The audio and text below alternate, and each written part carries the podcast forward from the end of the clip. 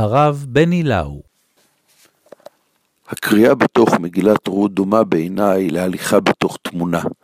נכון, כשמתבוננים בתמונה רואים דבר ראשון את המראה המרכזי, את האובייקט הגדול, רואים את הבית, רואים את העץ, רואים את האדם, רואים את מה שנמצא במרכז התמונה עם הצבע הבולט, אבל במבט יותר מתבונן פתאום רואים דמויות שהן יותר דהויות, יותר מרוחקות, יותר תפאורה, יותר רקע, ואז מבינים את התמונה כולה.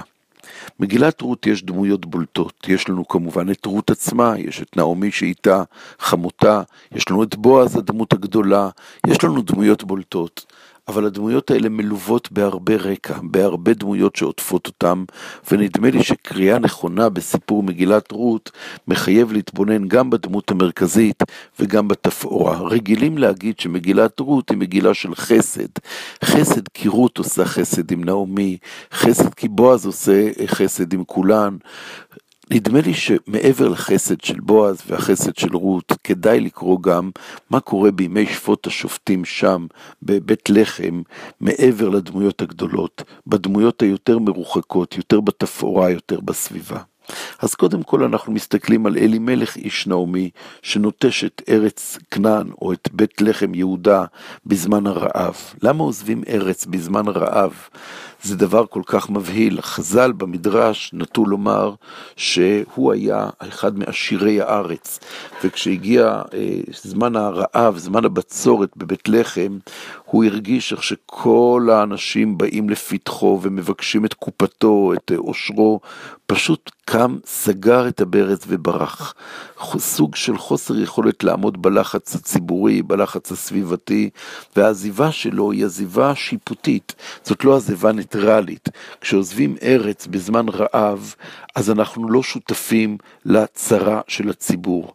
היום אנחנו כבר לא אומרים ירידה מן הארץ, היום אנחנו אומרים הגירה, אומרים הליכה, גם כאן כתוב הילך איש, אבל ברור שהמספר פה שופט אותו על נטישת הארץ. המוות של הילדים שם בבית לח, במואב, גם חיליון, גם מחלון, שניהם מתים, ונשארת נעמי אלמנה, נשארים יחד איתה עורפה ורות, ועכשיו היא קמה, היא שומעת שפקד השם את עמו לתת להם לחם, והיא חוזרת משדה מואב אל ארץ יהודה. בדרך הדיאלוג עם שתי הכלות שלה. יש פה כבר מבט אל שתי דמויות, שאחת תהפוך להיות עורפה במובן של עורף, במובן של הפניית המבט אחורה ולא קדימה, והשנייה הופכת להיות הסמל של הדבקות. הפסוק שכדאי לשים לב אליו בהקשר הזה, זה שאומרת אומרת אה, נעמי לשתיהן, לך נשובנה בנותיי, יעש השם עמכם חסד, כאשר עשיתם עם המדיהם. היא אומרת להם, אתם עושות חסד, אבל אז הולכת עורפה, והפסוק שאומר לנו, ותשק עורפה על החמותה, ורות דבקה בה. כדאי להתבונן בפסוק הזה, כי הוא פסוק עוצמתי. הנשיקה היא משאירה את עורפה בעולמה ואת נעמי בעולמה, כמו במערכת תורת המעגלים של מעגל משיק. יש לנו נקודת מגע בין זה לזה, אבל לכל מעגל יש הגדרה עצמית, ולכן ותשק עורפה לחמותה, עורפה חוזרת לעולמה.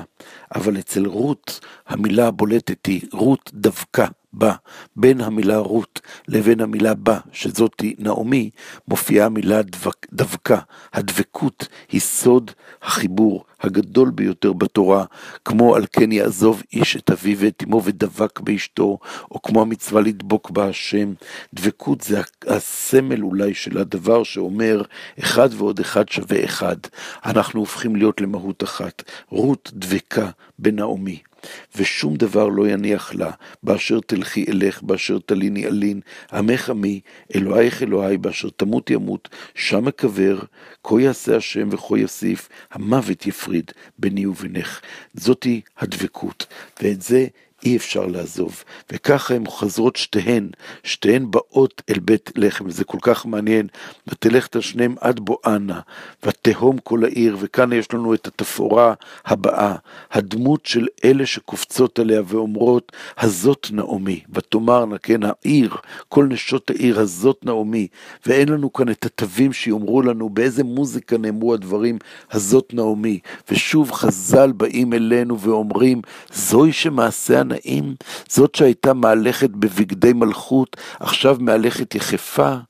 זאת נעמי, לשבר הייתה בכזאת יופייה וכעת בסמרטוטין, זאת נעמי.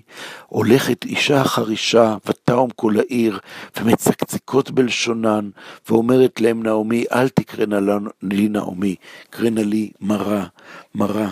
זה בעצם תמונת הפתיחה, שיש לנו פה אישה מרה, יש איתה אישה דבוקה, ויש נשות העיר שהומות, הומות אולי בצקצוקי לשון, אולי בשמחה לעד, וככה יורד המסך על הפרק הראשון, כשאנחנו רואים אישה מלאה בטוב, בדבקות, ואישה אחת מלאה במרירות, ומסביבם תפאורה שלמה של הרבה רעש.